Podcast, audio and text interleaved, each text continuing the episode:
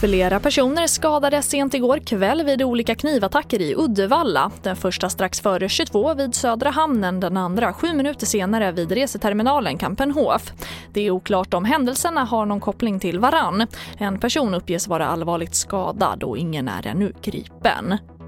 Och på fyra år har skulderna som skickats till Kronofogden ökat med i genomsnitt 194 miljoner kronor per månad. Och skulderna i Sverige når nu nya rekordnivåer.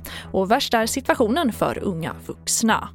Om den här utvecklingen fortsätter på det här sättet så då kommer vi att ha många unga vuxna med väldigt stora problem. Det vi ser och det vi får indikationer från inkassobolagen är ju att de ligger på sina krav längre och att de är lite mer villiga att vänta på att skicka in till Kronofogden. Rebecka Öhman, enhetschef på Kronofogden.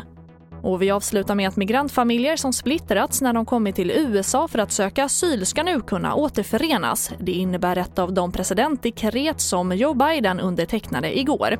Ett annat dekret innebär att migranter ska kunna söka uppehållstillstånd från sina hemländer.